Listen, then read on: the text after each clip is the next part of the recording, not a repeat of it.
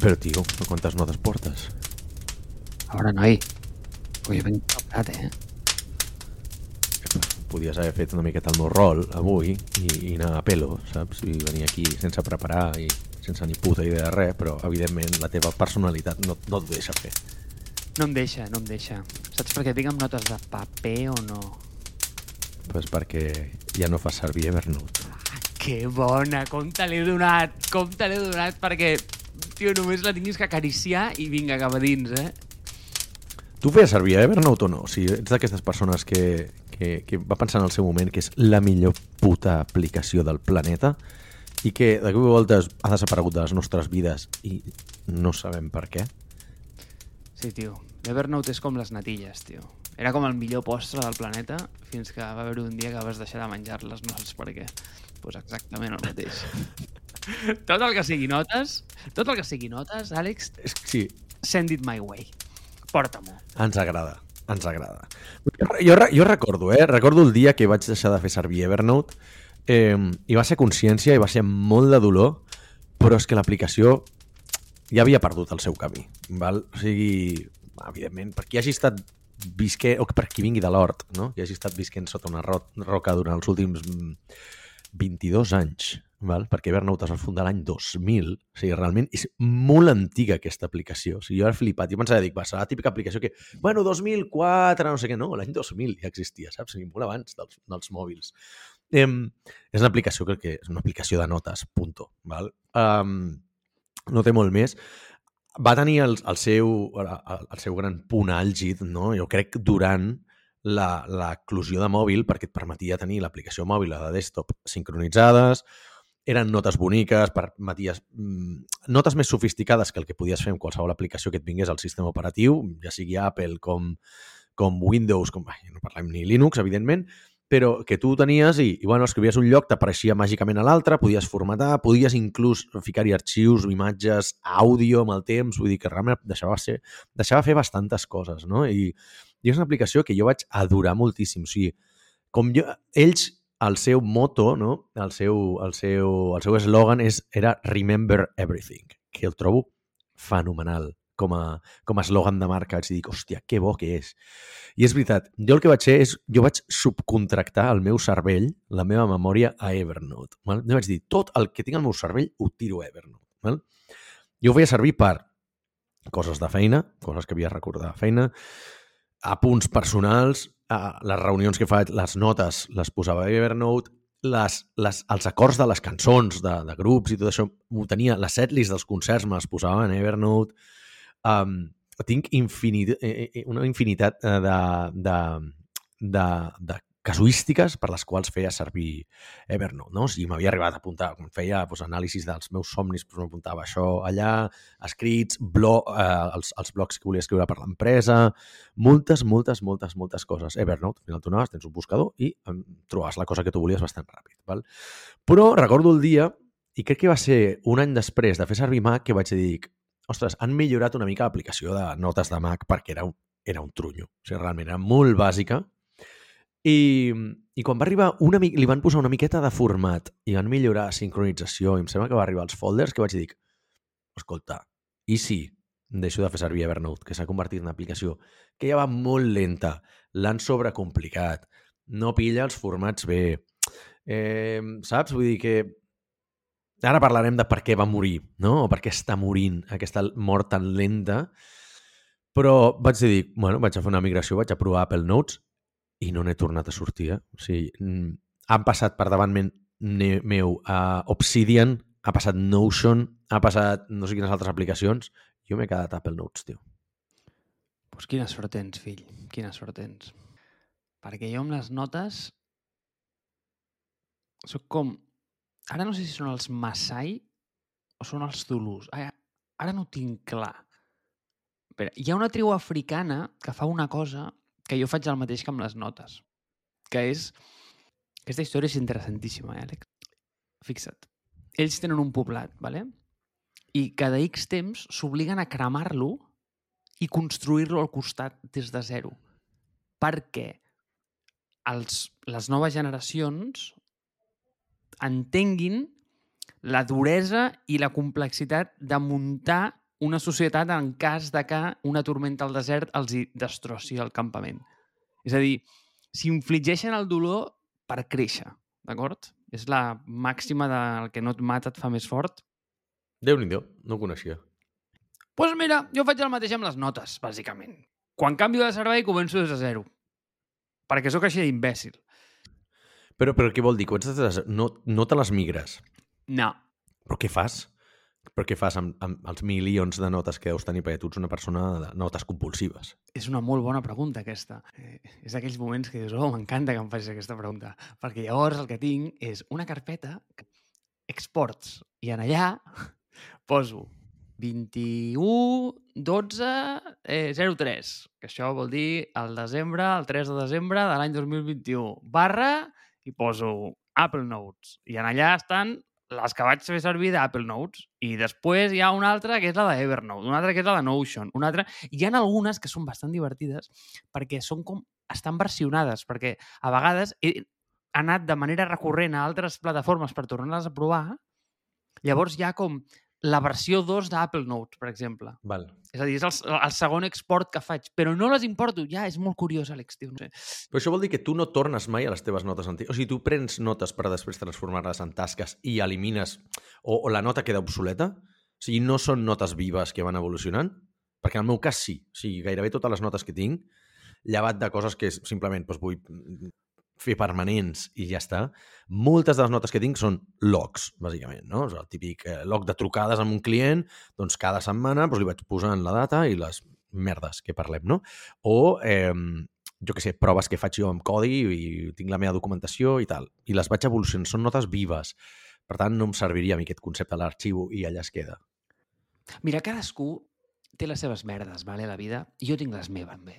I aquesta és una merda molt bèstia. Tu i jo estem trencadets, Marc. Ja crec que l'audiència ja ho sap. Sí, sí, tenim cosetes.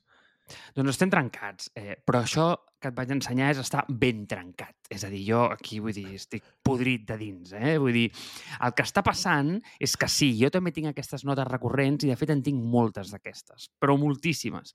Però per fer-me encara més mal a mi mateix, d'acord? Vull dir, per infligir-me encara més dolor i de dir, Marc, has d'aprendre com aquest poble beduí d'Àfrica a, a, a reconstruir la teva vida de, de, de notes i de, i de papers un per costat de l'altre, per fer-me més mal encara el que faig és que aquestes notes recurrents també les començo de zero una altra vegada i les torno a escriure. Llavors dius, però quin puto sentit d'això? No té cap puto sentit, Àlex. No, perquè no tenen relació amb lo anterior, no? O sigui, no són, no són additives, en aquest sentit. No, és a dir, imagina't, per exemple, una nota eh, amb totes les coses que tinc. Aquesta és una mítica nota que jo sempre he tingut, d'acord? Val. És molt bèstia, però aquesta nota l'he reconstruït diverses vegades. Per què? Perquè jo i les notes tenim una relació d'amor i odi. Llavors, ho començo a llistar tot, faig llistes hasta per saber quants pèls tinc al cul, literalment, i hi ha un dia que dic, Marc, les llistes són una puta merda. No fotis una llista mai més i torno al, a la Moleskine. I, I ara estic més en el no llistis res i tot ho faig en paper. Llavors dius, hòstia, no hi ha res pitjor que fer un paper perquè allò sempre se t'oblida. Però és que al final jo penso, hòstia, qui, sí. quina vida més miserable tenir sempre que estàs revisant notes. Eh, Llavors, saps què? Mira, vaig al paper i així també faig servir una mica el canell, que, que, que, que, que l'exercito poc, saps? Val. És que, clar, jo ho trobo estrany. O sigui, per mi, crec que ja ho vaig comentar en un altre episodi, per mi les notes són una manera d'endreçar de, els meus pensaments, de buidar espai mental, no? pla de banda cerebral, i després m'oblido. O sigui, realment... I torno poc, saps? O sigui, torno poc per consultar, torno molt a elles per escriure-hi més coses. El que deia, no? Hòstia, una nova cosa que he comentat amb un client. Eh, noves idees pel podcast de Foc a Terra. Eh, noves idees pel no sé què, saps? Vull dir, escric una cançó pel grup, doncs, hòstia, doncs ho, fico, ho fico allà. Però realment ho consulto molt poc. O sigui, realment a mi les, notes, les notes tampoc em serveix tant que tinguin un, un cercador, tot i que van bé, evidentment, però, però trobo que les evoluciono molt en aquest sentit. Però rarament, és veritat, rarament, molt rarament, vaig a consultar a veure què s'ha dit en aquella reunió fa un any amb el client, a veure quin dia ens vam posar d'acord amb això. Ni idea. I, i potser és un dels grans pecats de, la, de les notes, no? Però bueno, el cas, si et sembla, entrem una miqueta en el que va passar. O sigui, tu, per què vas deixar de fer servir Evernote?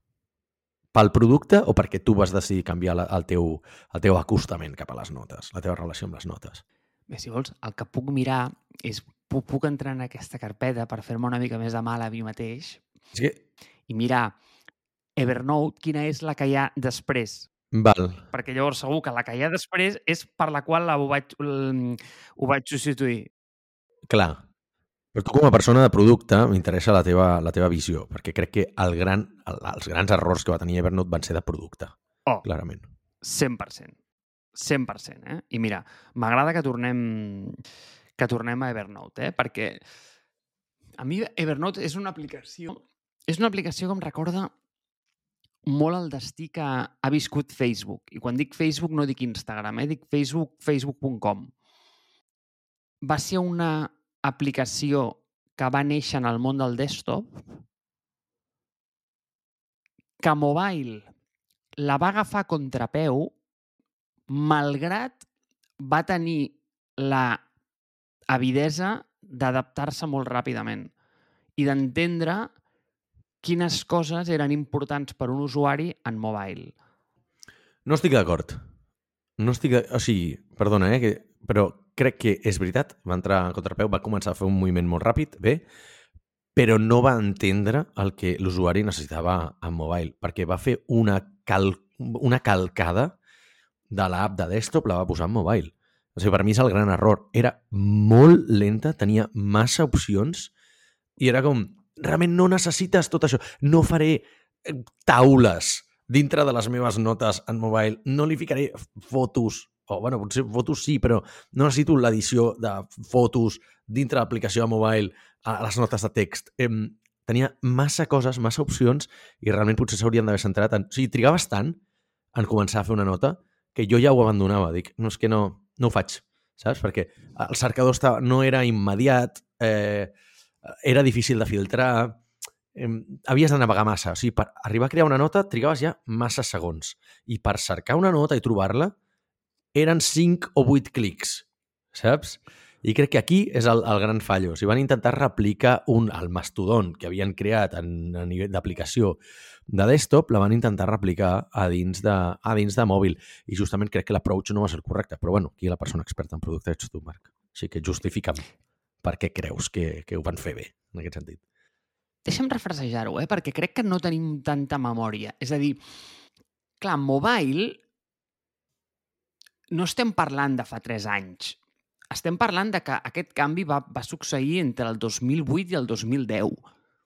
És a Sí. dir, quan tu i jo, Àlex, encara anàvem quasi, quasi amb, amb penyals de producte.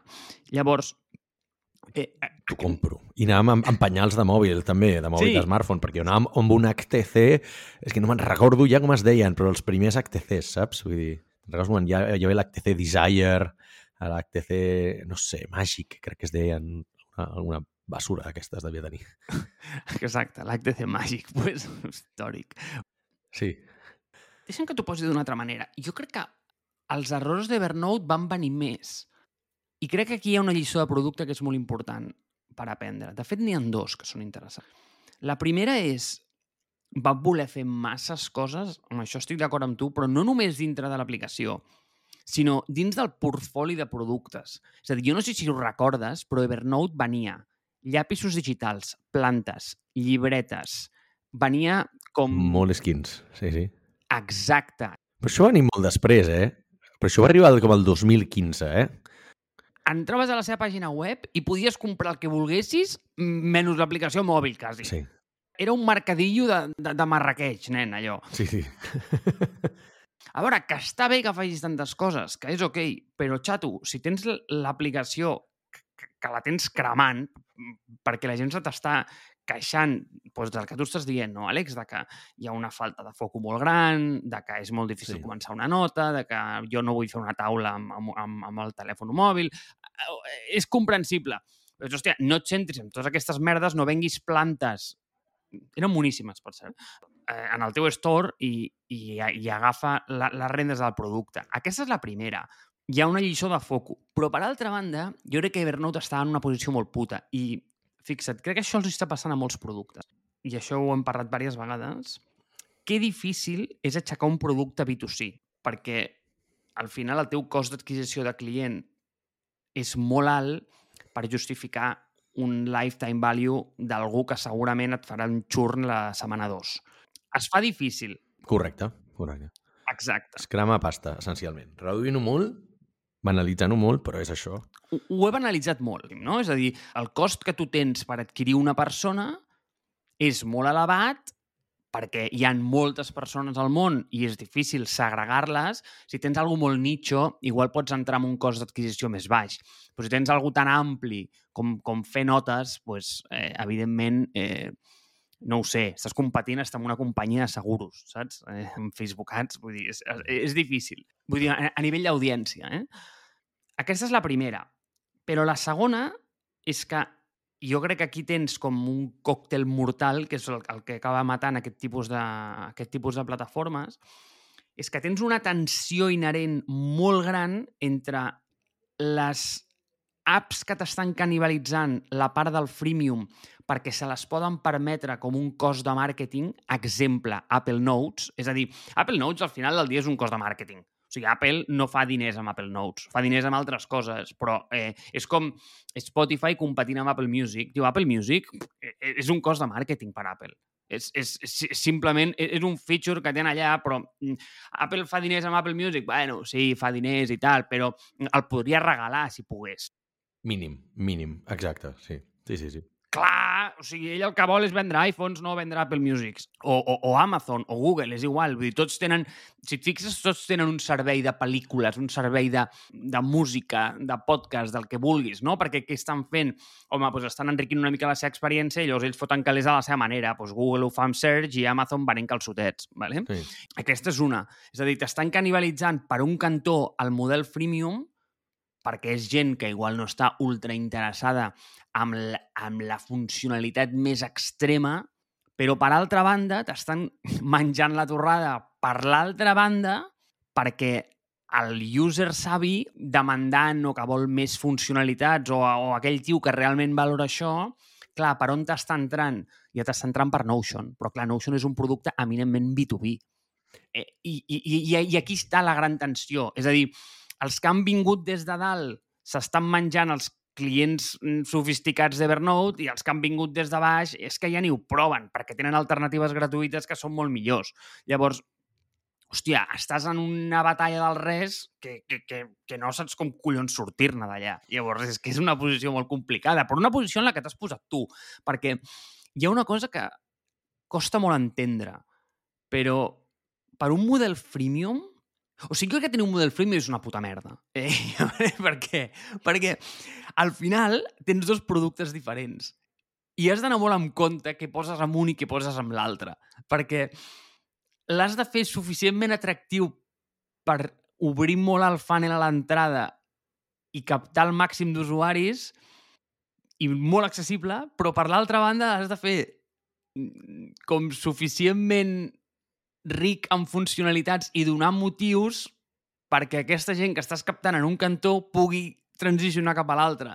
Llavors, es fa molt complicat perquè molts que no pagarien dirien oh, jo vull aquella funcionalitat d'aquell paio i, i molts dels que pagarien a vegades es pregunten per què estan pagant. Llavors, es, es fa difícil, Àlex, tio. Quin, quines converses, eh, noi? Quines converses, doncs. Eh, has dit un parell de coses molt interessants perquè Notion, evidentment... O sigui, jo crec que ara veiem que Notion ha estat un dels grans assassins d'Evernote, però en el seu moment no va ser així. O sigui, ho he vist en alguns articles, ho he vist en alguns discursos, però jo no ho compro. O sigui, Notion crec que ha sortit una miqueta com de rebot, però no crec que s'hagin inspirat gens en Evernote. O sigui, Evernote, com dius tu, eh, va ser com el Facebook, o sigui, hauria d'haver-se convertit en el Facebook de les notes. És a dir, l'aplicació que tothom té al seu puto mòbil i que fan servir pues, els, els tiets i les tietes, els avis i les àvies, no? Vull dir que ja ha fet aquesta mm, penetració a nivell mundial a totes les capes de la societat i qui coneixes sense Evernote. Pues igual que costa conèixer algú sense Facebook, doncs hauria d'haver estat així, però no va ser mai així. Evernote va jugar a ser B2B, val? perquè inclús van treure un Evernote Teams, jo me'n recordo que el van provar amb els Base i tot amb els meus socis, i era una castanya. Val? Van voler fer-ho, però no s'ho van creure. en comptes de fotre's directament només amb el B2C i dir, va, anem sí o sí convertir-nos en a l'empresa que té el 100% del mercat de les notes. I què passa? Que si t'hi fixes, el que deies tu, el que has dit tu de les plantes, el partnership, eh, jo em vaig comprar la Moleskine d'Evernote a San Francisco, dir, jo l'he tingut. Eh, va ser l'època daurada, o sigui, quan van arribar a ser unicorn, clar, pensa que era l'època que quan sortien unicorns era com, ostres, ara és, aquesta persona és VIP, saps? Són els autèntics putos rock, rockstars del sector.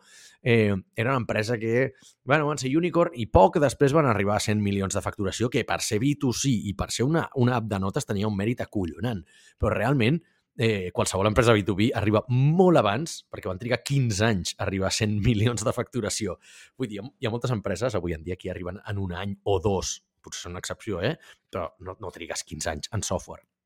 I, malauradament, el B2B que van fer va ser més en partnerships de productes que eren com complementaris, però, però diguem, no els hi aportaven clients a ells. És al contrari, ells per la, la captació la feien per l'app de notes i després doncs venien, referien clients a altres empreses com a Moleskine. Val? En comptes d'haver fet els partnerships, que el que et feien era eh, compres una altra cosa i acabes a Evernote, no? que potser seria el partnership que aniria millor per a un B2C. I la part B2B va ser, va ser lamentable. De fet, llegia per aquí que només el, el 15% de, de, les, de, de la facturació que tenien en aquell moment venia per l'aplicació de notes, que és molt baix. O sigui, havien de posar molt esforç, segurament posar molt esforç amb altres coses. Jo crec que clarament això et dona un indicador que la gent no està disposada a pagar per una aplicació de notes. Val? Aleshores, jo crec que Notion, si ho mires en retrospectiva, encaixa, però en el seu moment no va ser... La gent no canviava d'Evernote a Notion. Això no ho compro. La gent va deixar, o vam deixar de fer servir Evernote per dues coses. El B2C, Apple Notes. Per què? Perquè és gratis i ja em serveix i, i se'm sincronitza ràpid i és super simple, super senzilla. Val? O sigui, en el seu moment, ara ja Apple Notes comença a complicar-se. Ja he vist algunes features recentment que dic mm, començo a veure massa coses. Però bueno, tot i així, segueix sent una aplicació de puta mare. En el seu moment és que no et permetia fer res, era escriure i cercar i ja està. És l'únic que podies fer. I vaig dir, fantàstic, és que no necessito gaire més. Vull dir, posa-li uns tags no? quatre coses d'aquestes i, i et servia. I fica-li imatges ja està. La gent ho va deixar per Google Docs, no ens enganyem. El B2B de les notes es va fer amb Google Docs i Notion s'ha construït sobre els aprenentatges de Google Docs, no sobre els aprenentatges d'Evernote. I el que dic, eh, el, el, com que Google Docs també ha estat gratuït, ha sortit... O sigui, si, si Google Docs no hagués fet el pastís més gran, el pastís col·laboratiu, no hauria sortit Notion.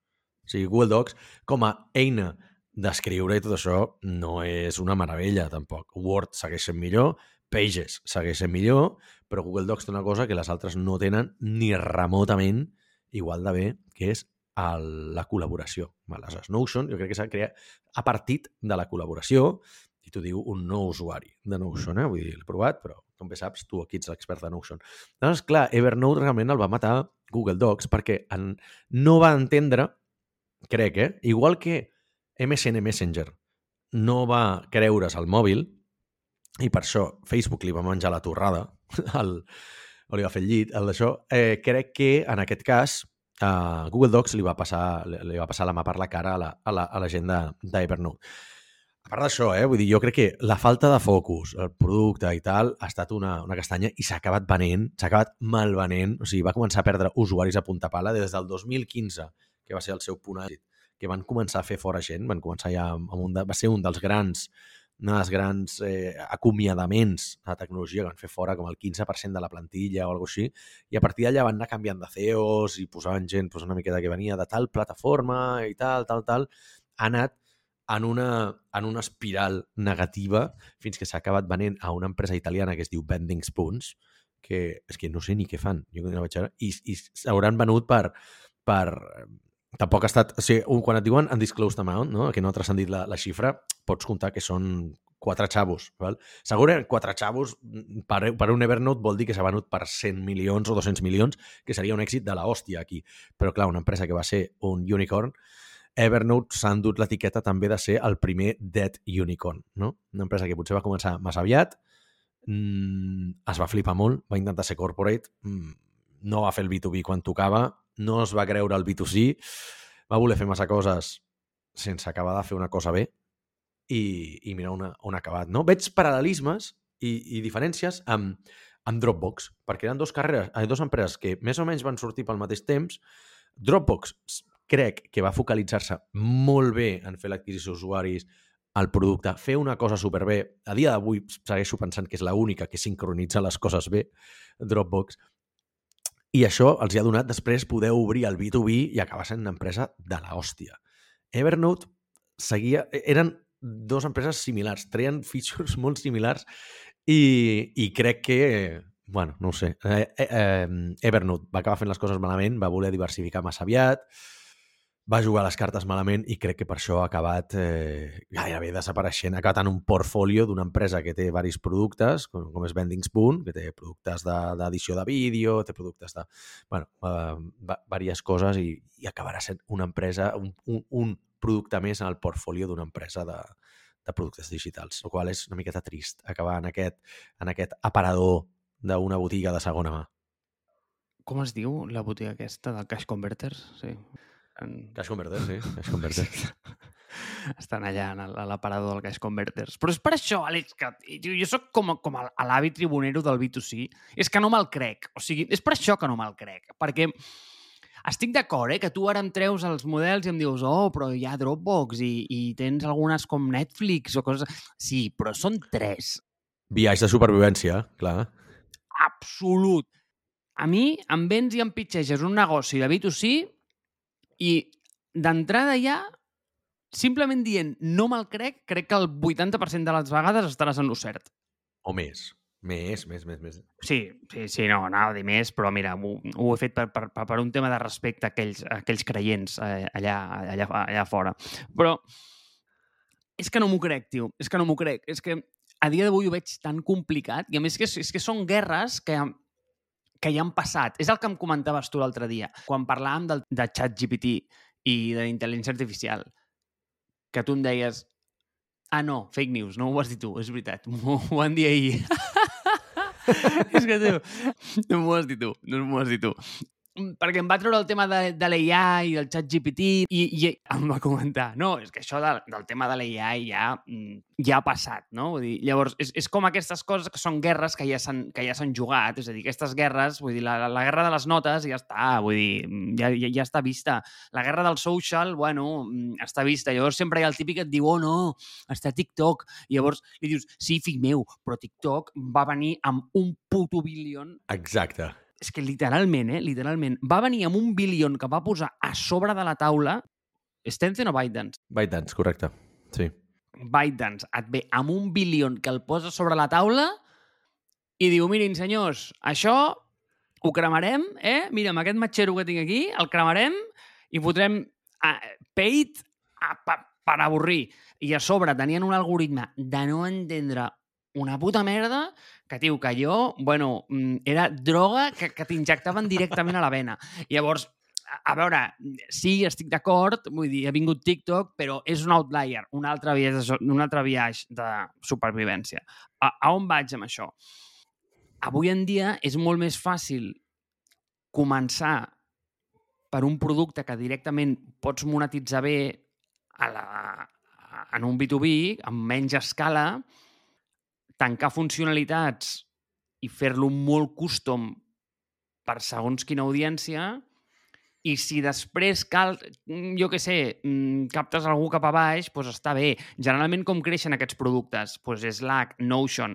Doncs mira, tontos com jo, el comencem a fer servir, evangelitzem a l'equip i al final qui acaba pagant per l'account? La companyia, no tu.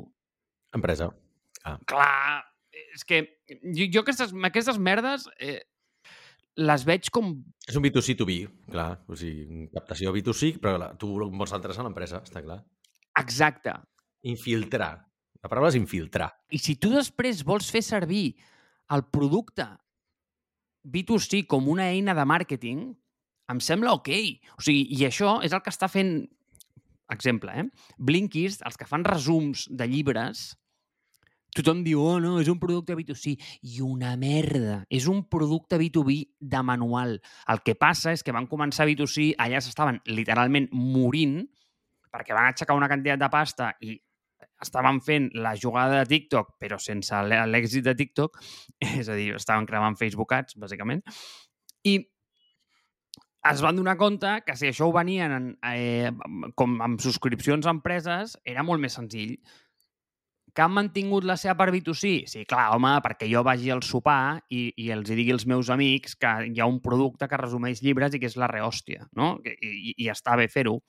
Però, en realitat, on, on està el caler eh, no, no, no, no és aquí no és aquí, perquè la gent, pues, el primer que cancela, a part de tu, Àlex, que t'oblides de cancel·lar el seguro del cotxe o no sé quin... Correcte. Vaig estar-lo pagant durant 3 anys després de no tenir cotxe. Coses que s'obliden, saps? Però bueno. Coses que has de fer un cop l'any, tio, i és que em toca els ous, saps? I t'adones quan ja ho veus al banc i dius, ma, cago en Déu, saps? L'any que ho faig, i no ho fas. Però bueno. Àlex. Què? Estàs pagant per Evernote o no?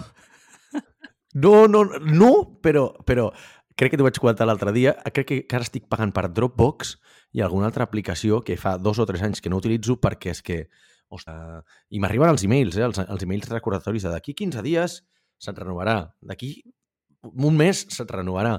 I dius, ah, ja ho canviaré, ja ho canviaré. Vaig tan de cul, sobretot és que al final d'any vas tan de cul que no tens temps ni tan sols de...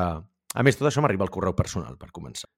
Això, i el, correu personal, clar, el miro un cop a la setmana si tinc sort. I clar, com no ho faci en aquell moment, dic, ah, ho faig la setmana que ve. No, malament. Com una setmana no el miri, ja se m'ha renovat la subscripció, això. I aleshores és probable que encara estigui. No, crec que Dropbox ja la vaig treure després de dos anys de no fer-lo servir.